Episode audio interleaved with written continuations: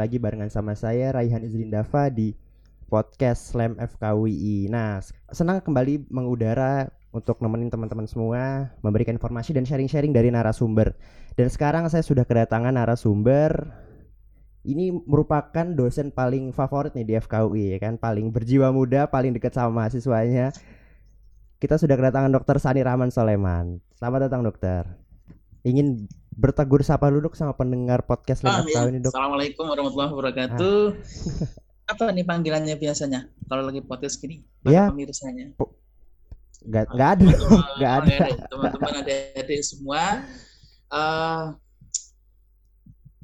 ya, selamat malam. Mudah-mudahan eh, lancar studinya ya. amin nah ah ngomong soal studi dok dokter juga sempat kemarin katanya kabarnya itu studi ke Jepang S3-nya itu dipospon ya dok ya Betul dipospon Nah. sampai sampai selesai nanti pandeminya. sampai selesai pandeminya. Berarti memang akhir-akhir ini kesibukannya kuliah daring aja gitu dok? Apa memang nggak kuliah sama sekali? Daring dari kampus eh, dikasih daring karena semester 1 semester 2 kan belum ada eh, ke lapangan. Hmm. Jadi dibolehkan. Oh begitu. Emang ngambil jurusan apa dok S3 dok? Apa melanjutkan kesehatan masyarakat kah? Saya ambil public health Public health, ya? seperti eh, seperti jalur yang saya ambil selama ini. S2 saya public health, S3 saya public health. Cuma spesifiknya kan lebih ke arah environmental health ya, Oke. eh, kesehatan lingkungan. Ke sana. Nah sip.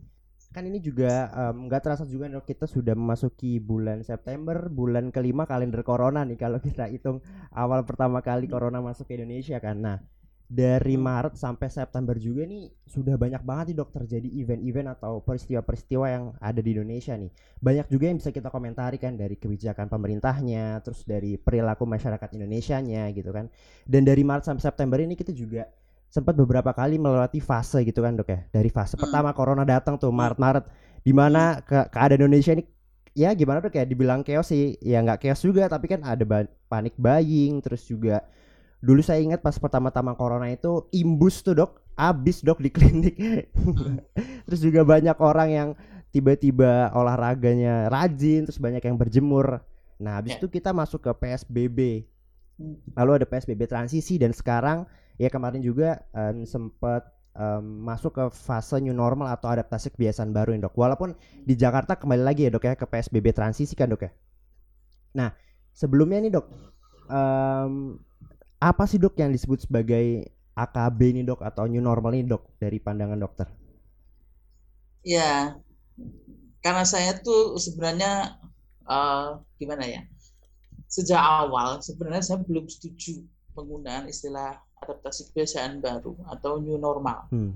sama sekali belum setuju Ya. di saat ini kita menerapkan itu karena menurut saya pemerintah terlalu terburu-buru Ya. di bulan Maret eh, April atau Mei itu sudah menyiapkan sk- skenario Ya. untuk eh, persiapan new normal. New normal itu kan sebenarnya normal yang jelas berbeda, Hmm. kenormalan yang jelas berbeda sebelum adanya pandemi. Hmm. Jadi segala sesuatunya akan jauh berbeda dalam hal tatanan sosial, Ya. dalam interaksi kita, semuanya akan berbeda. Ini 180 derajat berbeda Hmm. dari sebelum pandemi. Karena memang ini sudah eh, sudah seharusnya kita menyesuaikan dengan pandemi, bukan pandemi yang menyesuaikan kita. Ya. Kita tatanan hidup kita yang menyesuaikan dengan adanya pandemi. Baik dok. Nah, kan juga apa namanya kan kemarin juga bener kata dokter tadi kan pemerintah ini mengambil salah mengambil kebijakan gitu dok. Ya kan Hmm. orang kita belum apa-apa malah disebut sebagai new normal. Nah, sekarang justru malah aneh kan new normal malah justru kasusnya meningkat kan dok ya. Ya. Jadi sebenarnya apa ya dok ya tantangan terbesar masya- di Indonesia itu apa sih dok? Ya, saya selalu berbicara eh, apa namanya dalam kapasitas saya sebagai seorang eh, peneliti, Hmm. sebagai seorang peneliti di bidang kebijakan bahwa satu hal yang paling mendasar fundamental eh, adanya pandemi ini adalah permasalahan leadership yang Nah. eh, sangat lemah gitu. Kita itu dihadapkan pada sebuah fenomena public health emergency. Ini ini sebuah fenomena yang nggak biasa. Ya. Kita bukan bicara ini masalah disaster emergency atau Oke. man-made uh, disaster, tapi ini murni public health emergency. Tapi dari pendekatan itu berbeda. Dianggap pendekatan ini seperti pendekatan disaster biasa. Oh. Sehingga uh, seolah-olah uh, intervensinya pun hanya biasa-biasa saja dalam Hmm. tanda kutip. Ya. Saya mencermatinya. Sehingga uh, permasalahan paling fundamental leadership di mana kalau kita mengkerucutkan lagi yang paling uh, fatal adalah masalah lemahnya uh, kebijakan Ya. kesehatan. Ya. ya, lemahnya kebijakan kesehatan itu akan berdampak pada uh, apa lemahnya uh, kolapsnya pelayanan Ya. kesehatan, Ya. di mana yang akan menjadi uh, sasaran empuknya, yang akan menjadi Ya. korban adalah tenaga kesehatan. Ya. Sehingga ini sebuah struktur besar, struktur besar yang dia uh, apa namanya sangat komprehensif uh, uh, permasalahannya dan damage yang ditimbulkan itu juga sangat, Sangat uh, apa sekali, namanya sangat besar. Mm. Sehingga kesalahan di awal dalam pembuatan kebijakan kemudian berdampak hingga ke level paling bawah dan yang paling terasa eh, dampaknya adalah tenaga kesehatan Ya. saat ini sudah lebih dari 100 sejawat kita dokter Hmm. sudah eh, meninggal ya Ya. Eh, dan belum lagi dengan, dengan dengan tenaga kesehatan yang lainnya ini ini Betul. ini merupakan sebuah eh, teguran keras Ya. bahwa Indonesia mengalami sebuah fase di mana uh, sistem uh, kebijakan kesehatannya tidak mampu Ya, berarti memang kebijakannya dok ya, kebijakan awal yang Ya. salah, lalu itu Ya. berdampak ke Betul. akar-akar bawahnya itu ya masyarakat juga ya orang nggak percaya duluan sama pemerintah gitu kali dok ya. Saya melihatnya begitu Hmm. karena sekarang begini, eh, kita tuh serba terlambat Nah, bergeraknya. setuju dok. serba terlambat. Kalian pikir ya, eh, Indonesia itu masuk di kisaran tanggal 2 Maret, 2 Ya. atau 3 Maret. Ya. Sementara yang lain itu sudah masuk di bulan-bulan Januari, Februari. Hmm. Aneh kalau Singapura sudah positif, Oh, positif rate-nya tinggi, ya, akumulasi kasus akumulasi kasusnya juga tinggi, Ya. begitu juga dengan Malaysia dan Australia. Tapi Indonesia di bulan sebelum Maret, bulan Februari itu kasusnya masih nol Iya. gitu loh. Hmm. Wah, ini kan menimbulkan permasalahan. Akhirnya Indonesia mendapat tekanan besar dari dunia untuk declare saja open hmm. sebenarnya datanya seperti apa gitu. Karena nggak sangat tidak masuk akal kalau uh, kita tuh nol kasusnya di bulan Ya, Maret. Saya setuju. sebenarnya sudah ragu di level Hmm. itu gitu. Karena kita tidak terbuka dengan data. Hmm. Kita tuh bermasalah di data integriti dan data transparansi. Ya. Yang ini kemudian sangat eh, apa namanya fundamental eh, kesalahannya. Sehingga eh, karena lambat dalam membuat keputusan, kemudian dampaknya saat ini Hmm. gitu. Jadi banyak kebijakan-kebijakan yang menurut saya itu eh, apa namanya tidak well planned, Ya. tidak well prepare gitu. Hmm. Contohnya saya melihat eh, eh, subsidi untuk tenaga kesehatan berapa 75 juta apa ya kalau nggak Iya. salah itu baik di satu sisi itu baik Ya, ya. tapi itu bukan saat ini dikasihkannya Hmm. itu harusnya dari awal, sudah Awal. di, di, di, direncanakan gitu loh Iya. Itu pun setelah ditegur dengan bapak presiden baru keluarlah eh, apa namanya subsidi itu gitu bantuan Hmm. atau insentif tapi kalau nggak ditegur mungkin kita nggak nggak dikasih Nggak data nggak dikasih insentif seperti itu Iya, iya. ini ini contoh kecilnya saja gitu loh. Kita itu satu sudah salah dalam terlambat, intervensinya nggak pernah tepat Ya, begitu, dan eh, banyak salah langkah gitu. Saya banyak mengkritisi termasuk masalah eh, apa namanya pembuatan rumah sakit khusus COVID Nah. di Pulau Galang itu eh, di Kepulauan Riau. Saya baru Ya. tahu ternyata Pulau Galang, Galang itu di Kepulauan Riau itu Hmm. menghabiskan dana sekitar 400 miliar dan ini menurut saya mubazir Hmm. Kenapa mubazir? Karena dana itu sebenarnya kan bisa dialokasikan untuk pembuatan atau penyediaan PCR karena kita butuh itu. Ya. Kita butuh masif testing, masif tracing untuk PR terbesar kita adalah bagaimana menurunkan uh, angka Angka. Sip. mencapai puncak kemudian kita bikin flatten flattening itu kurva kalau sudah turun baru kita bicara new normal Ya, oke. Nah, jadi ya. kita nggak bisa bicara nggak bisa kita bicara new normal di posisi angka ini masih naik terus Setuju, dok. dan baru ini baru mau naik. Saya bilang ini belum puncak pandemik, Ya. bulan perteng- bukan pe- pertengahan pandemik itu Ya. baru mau. Baru mau naik ya, dok. Apa indikator baru mau? Baru mau itu indikatornya adalah setiap hari akan ada selalu rekor. Hmm. Kemarin 4.100, 4.100. ini udah mulai tembus di 4 ribuan. Ya. Satu minggu yang lalu di angka 3 ribuan, ini udah mulai 4 ribuan. Mungkin bulan depan sudah mulai naik di 5 ribuan. 5000. Ini rekor-rekor inilah yang kemudian mengindikasikan bahwa kita sudah mulai naik ke puncak pandemi. tapi belum sampai puncak baru mau Belum. naik. Gitu. Baru memendaki. Dan di Dok, ya? samping itu, ya dari satu hingga satu bulan setengah ini kenaikannya sampai 100 ribu. Padahal dari Maret hingga awal Agustus atau akhir Juli itu eh, baru mencapai 100 ribu. Ya. Tapi satu hingga satu setengah bulan ini kenaikannya sampai 100 ribu. Ini yang saya mengindikasikan kita baru mau naik eh, menuju puncak. Nah. Tapi masih jauh karena nggak ada intervensi. Iya, oke. Nah, untuk eh, saya juga sering tuh dok lihat story WhatsApp dokter kan dokter juga kemarin juga kayaknya habis publish jurnal tentang public policy juga kan dok. Nah, kira-kira ini dok, eh, menurut dokter apa kebijakan yang salah di awal? Tadi mungkin udah, di- di- udah disebutkan ya kebijakan salah pemerintah di awal. Nah, kira-kira apa nih kebijakan yang harus diperbaiki atau di em, apa ya, yang harus dilakukan gitu oleh pemerintah di ke depannya gitu dok? Ya. Selain eh, mengganti Menteri Kesehatan. Ya, mengganti menteri kesehatan itu ya itu urusan politik ya. Uh, sebenarnya saya nggak saya ya uh, gentleman saja lah. Ya, ini ini gentleman Iya. saja kalau beliau tidak mampu ya itu akan lebih baik gitu diserahkan ke yang lebih mampu. Kayak menteri Ceko, Ceko. Ceko itu Iya. kan yang masih muda itu kan yang akhirnya juga mengundurkan diri. Tapi sebenarnya begini, saya kita lihat bahwa dari awal pemerintah itu kebijakannya adalah eh, eh, apa herd immunity.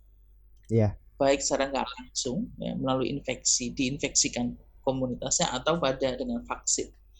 Kalau dengan vaksin, kita sudah kemarin di beritanya di eh, di di media online kan sudah pesan 40 juta Sinovac dari Ya. Cina itu. Nah, eh, kemungkinan available-nya di akhir tahun ini atau di awal tahun depan. Sinovac itu karena Ya. masih fase klinik eh, tahap 3. Ya. Sedangkan kalau untuk vaksin merah putih yang dibuat oleh Indonesia sendiri itu kan kalau kata Bapak Presiden kemarin sekitar pertengahan tahun depan atau maksimal Akhir awal tahun. Ah, awal akhir, akhir tahun, tahun depan. 2021. Itu kan lama. Iya. Tahun 2021 itu kan lama. Sehari saja kita lambat membuat keputusan, dampaknya sudah ke mana-mana Ya. gitu loh. Nah itu saya melihatnya eh, pemerintah mengandalkan herd immunity, di mana herd immunity itu sebenarnya adalah eh, bukan solusi utama sebenarnya kalau Iya. kita bicara masalah herd immunity, kebijakan secara holistik. Yang kedua adalah PSBB. Saya tidak melihat PSBB itu Nah. sebagai sebuah terobosan sebenarnya. PSBB itu adalah eh, apa namanya kebijakan yang digunakan untuk men Menenangkan masyarakat masyarakat gitu Mas Ruk. bukan itu untuk melegitimasi Oke. eh, keputusan-keputusan atau kebijakan yang sudah ada gitu. Oke. Karena PSBB itu bagi saya setelah 4-5 bulan diterapkan ini PSBB itu gagal total. Iya. Gagal total karena tiga hal. Satu, terbukti hingga hari ini PSBB tidak mampu untuk menurunkan angka insidensinya dan tidak mampu menurunkan kurva. Hmm. Itu sudah jelas gitu. Ya. Ketika PSBB dikencangkan, mungkin kasusnya akan melambat, tapi tidak menurunkan, akan melambat. Tapi ketika PSBB direlaksasi, dilonggarkan, maka Ya. kasusnya naik. Akan Mhm. seperti itu seterusnya, Ya. begitu. Satu itu. Jadi memang terbukti hingga detik ini PSBB tidak mampu menurunkan angka-angka itu. Oke. Kemudian yang kedua adalah terbukti PSBB menyebabkan disharmonisasi antara pemerintah pusat dan pemerintah Ya. daerah. Itu kelihatan jelas di hadapan kita, gitu. nggak sinkron gitu. Sama-sama sama sekali menyebabkan eh, disharmonisasi. Sekarang begini, ketika ada kepala daerah yang sangat proaktif untuk me- apa namanya untuk apa, menolong warganya, Ya. dia mengajukan PSBB di kementerian Kementerian Kesehatan sebagai home centernya gitu Ya. untuk ternyata ditolak Oke. dengan alasan begini begini begitu. Ternyata satu hingga dua minggu kemudian case-nya naik meningkat. Nah dia di PSBB oleh daerah tersebut ke Kementerian Kesehatan baru diterima. Tapi terlambat. Iya. kasus meledak di daerah tersebut.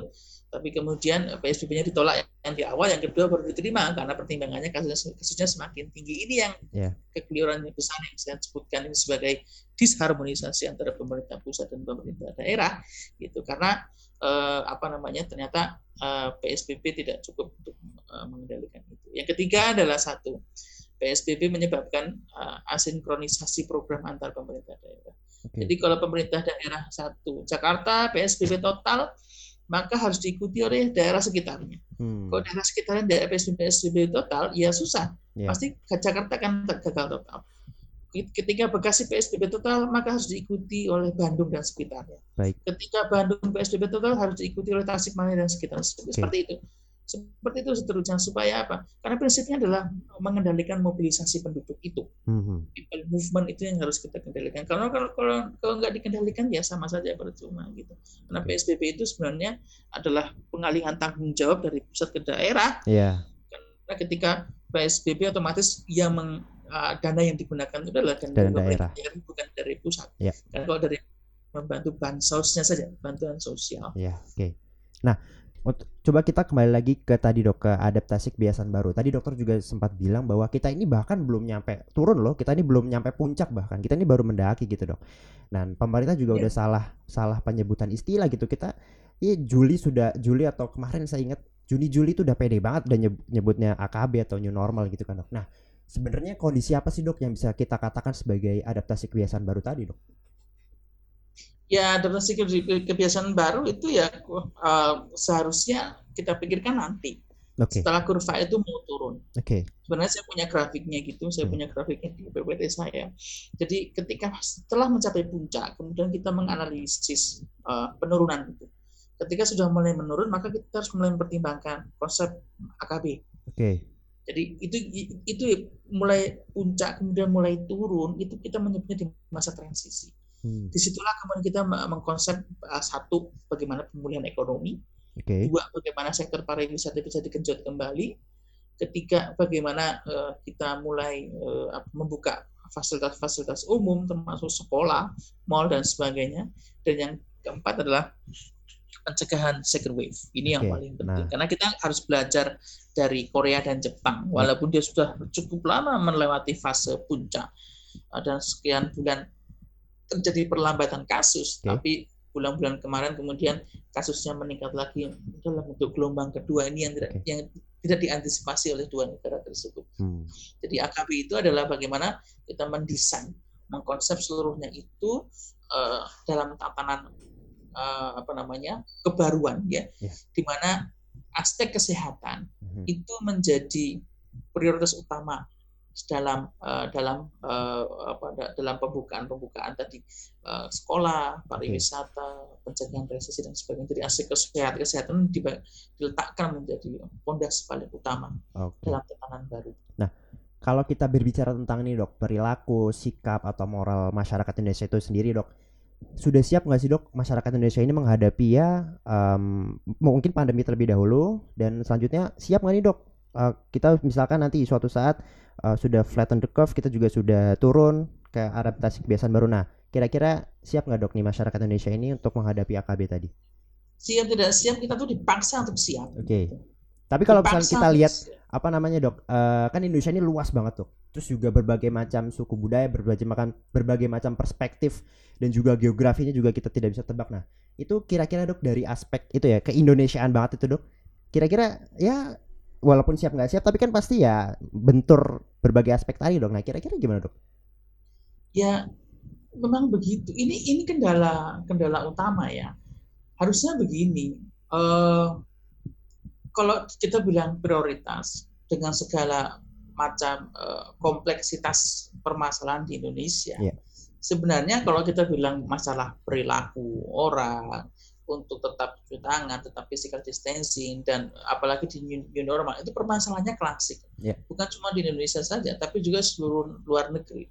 Sebagai contoh begini, ketika Juventus itu juara Serie A beberapa bulan yang lalu, itu saya komen di uh, fan page-nya di Facebook itu, saya bilang begini, welcome to the second wave of the pandemic saya bilang begitu, saya yeah. komen itu di fanpage-nya Juventus. Wah, dalam satu jam saya dicecar habis-habisan gitu. Sama fans Juventus, Dok? Iya, artinya yeah. mereka belum bisa menerima konsep itu. Okay. Gitu. Baik, baik. Mereka belum bisa menerima Menarik. konsep itu. Apalagi di Indonesia juga gitu. Indonesia itu nggak bukan negara maju, tapi ngaku-ngakunya negara maju. Iya. Yeah. kita itu masih banyak permasalahan yang harus kita selesaikan. Apalagi berhubungan dengan masalah hoax dan apa orang yeah. masih nggak percaya dengan Setuju. dengan dengan COVID-19. Yeah. Oke. Nah, tadi dokter juga ngomongin tentang ya Indonesia bukan negara maju lah. Walaupun saya kemarin juga sempat baca beberapa artikel ya Indonesia ini naik nih dok dari lower country menjadi lower middle country gitu kan dok. Nah, ya walaupun ini gara-gara orang kaya yang tambah kaya bukan gara-gara orang miskin tambah kaya gitu kan dok nah ada nggak sih dok hubungan antara ya Indonesia sebagai lower middle country ini um, dengan uh, kesiapan atau perilaku masyarakat Indonesia itu sendiri dok? Ya, uh, uh, berarti begini, uh, perilaku itu kan tidak bisa kita intervensi dalam hitungan hari. Oke. Okay. Tidak bisa.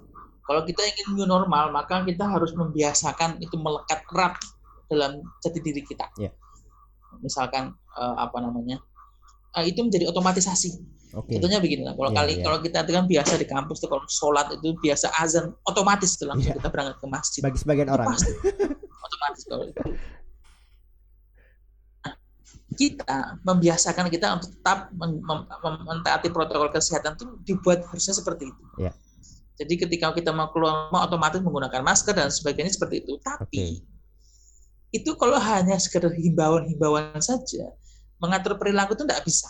Okay. Maka di situ sebenarnya peran negara hadir di situ. Hmm. Maka saya setuju sebenarnya kalau misalkan eh, apa namanya ada negara-negara apa daerah-daerah yang buat perda tentang protokol kesehatan, saya setuju. Okay. Di Jakarta sejak protokol kesehatan diterapkan ada perdanya itu dibuat peraturan dia mendapatkan masukan dan pelanggaran protokol sekitar 3 miliar okay. di Jakarta loh. Nah, ini di Sleman juga sudah ada, tapi kita masih tunggu uh, action dari daerah-daerah lain karena kalau cuma satu satu dua daerah kabupaten kota menerapkan itu tanpa komprehensif tidak bisa. Okay. Yeah. Itulah saya bilang peran negara penting untuk menyediakan resource dan menyediakan fasilitas yang dibutuhkan sekalipun kita negara middle low countries. Iya, oke. Okay. Tapi pertanyaan seperti ini, Dok uh, mungkin ini dari perspektif ini ya dok uh, kesehatan masyarakat kan. Nah kapan gitu dok? Kapan Indonesia ini siap untuk apa bisa perilakunya ini otomatisasi tadi dok perilaku masyarakat Indonesia ini otomatisasi ya menghadapi pandemi seperti ini dok? Kapan dok?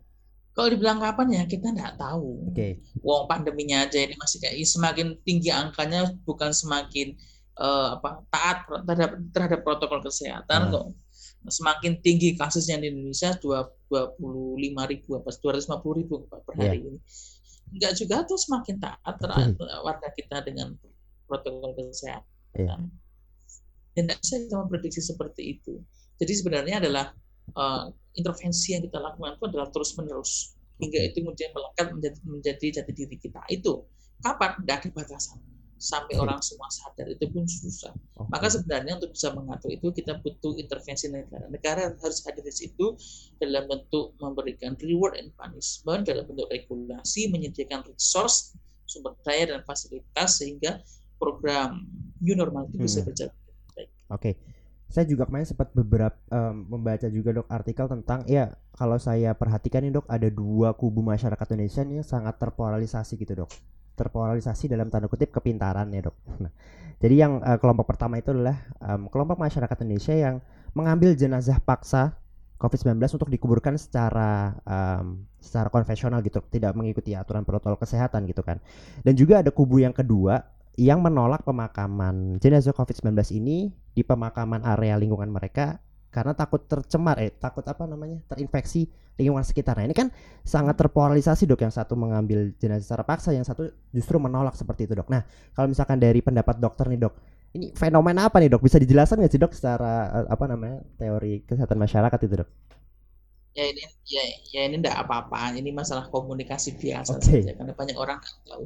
Kita itu kan uh, apa uh, polarisasi itu kan terjadi karena adanya ketidaktahuan. Okay. Ya, karena memang perbedaan uh, apa budaya, pendidikan dan sebagainya sehingga uh, muncul uh, stigma-stigma atau bahkan muncul juga uh, apa namanya uh, uh, muncul permasalahan-permasalahan seputar itu. Tapi sebenarnya intinya di sini adalah bahwa yang paling penting adalah komunikasi. Kita harus melakukan komunikasi intensif pada warga, pada rakyat bahwa COVID itu real, ada hmm. nyata gitu. Sehingga kalau kita itu tetap melakukan protokol kesehatan dengan baik, maka uh, hanya itu yang bisa kita lakukan saat ini sampai ketemu vaksin kan kayak gitu. Okay. Jadi ini problem komunikasi yang harus dijembatani oleh pemerintah pusat maupun pemerintah daerah, khususnya kita kita, okay. tenaga kesehatan baik mahasiswa maupun uh, dokter, perawat dan sebagainya, supaya uh, barrier komunikasi di komunitas itu bisa diantisipasi. Oke, baik dok. Jadi kan tadi dokter juga sudah berbicara tentang pemerintah gitu kan dok, yang mengambil apa namanya kebijakan atau mengambil keputusan yang di mana ini uh, pemerintah ini memiliki peran sentral untuk mengendalikan mengendalikan pandemi ini dok. Nah, kalau misalkan dokter ada nggak sih dok? Ini terakhir dok, uh, pesan-pesan bagi masyarakat Indonesia, bagi teman-teman juga untuk sadar bahwa ya ini bukan hanya peran pemerintah gitu, kita juga sebagai masyarakat juga harus yang satu tunduk dengan pemerintah dan juga menjaga diri kita gitu dok agar ya pandemi ini cepat selesai lah dok. Ya, buat semuanya juga khususnya bahwa uh, pandemi ini belum berakhir. Kita masih akan naik, baru okay. mau akan naik. Itu yang dilihat dari data-data yang sudah ada di kita. Baik. Dan yang paling penting adalah saya selalu teringat bahwa pesan dari uh, Bung Karno bahwa ada falsafah di Indonesia yang uh, ini akan melekat erat ya. menjadi jati diri kita yaitu gotong royong. Baik. Gotong royong. Jadi kita kembalikan semua komunitas karena kalau kita mengandalkan uh, negara atau pemerintah juga agak susah karena memang pertama sebenarnya. Ya. Ya, jadi kita kembali ke peran serta di komunitas dengan berbagai macam edukasi-edukasi yang sangat konstruktif, membangun uh, peer group peer group di komunitas untuk bisa melakukan uh, intervensi komunitas. Karena hanya itu yang bisa kita harapkan. Maka jangan pernah lelah, jangan pernah mengeluh, dan jangan pernah uh, menyerah yeah. untuk melakukan edukasi di komunitas untuk tetap melakukan uh, physical distancing, hindari kerumunan, dan juga tetap selalu menggunakan masker di tempat umum maupun di uh, kondisi-kondisi uh, yang lain. Ya. Saya rasa itu. Oke, terima kasih banyak nih dokter. Tidak terasa nih sudah hampir 30 ya. menit kita berbincang. Terima kasih banyak dok sudah menyempatkan waktunya untuk hadir pada kesempatan kali ini dan semoga um, apa namanya ilmunya ini sangat bermanfaat. Walaupun saya percaya dok ini cuma sebagian kecil ilmu yang dokter punya untuk dibagikan ke teman-teman semua tapi semoga ini juga um, bermanfaat bagi teman-teman semua dan juga dok lancar dok S3-nya semoga nanti um, apa ya. namanya bisa kembali apa namanya ya memberikan dampak positif lah dok bagi FKUI dan bagi Indonesia tentunya nah Terima kasih banyak dokter sudah menyempatkan waktunya. Saya Raihan Zindava bersama Dokter Sani Rahman Soleman signing off the air. Wassalamualaikum warahmatullahi wabarakatuh. Terima kasih.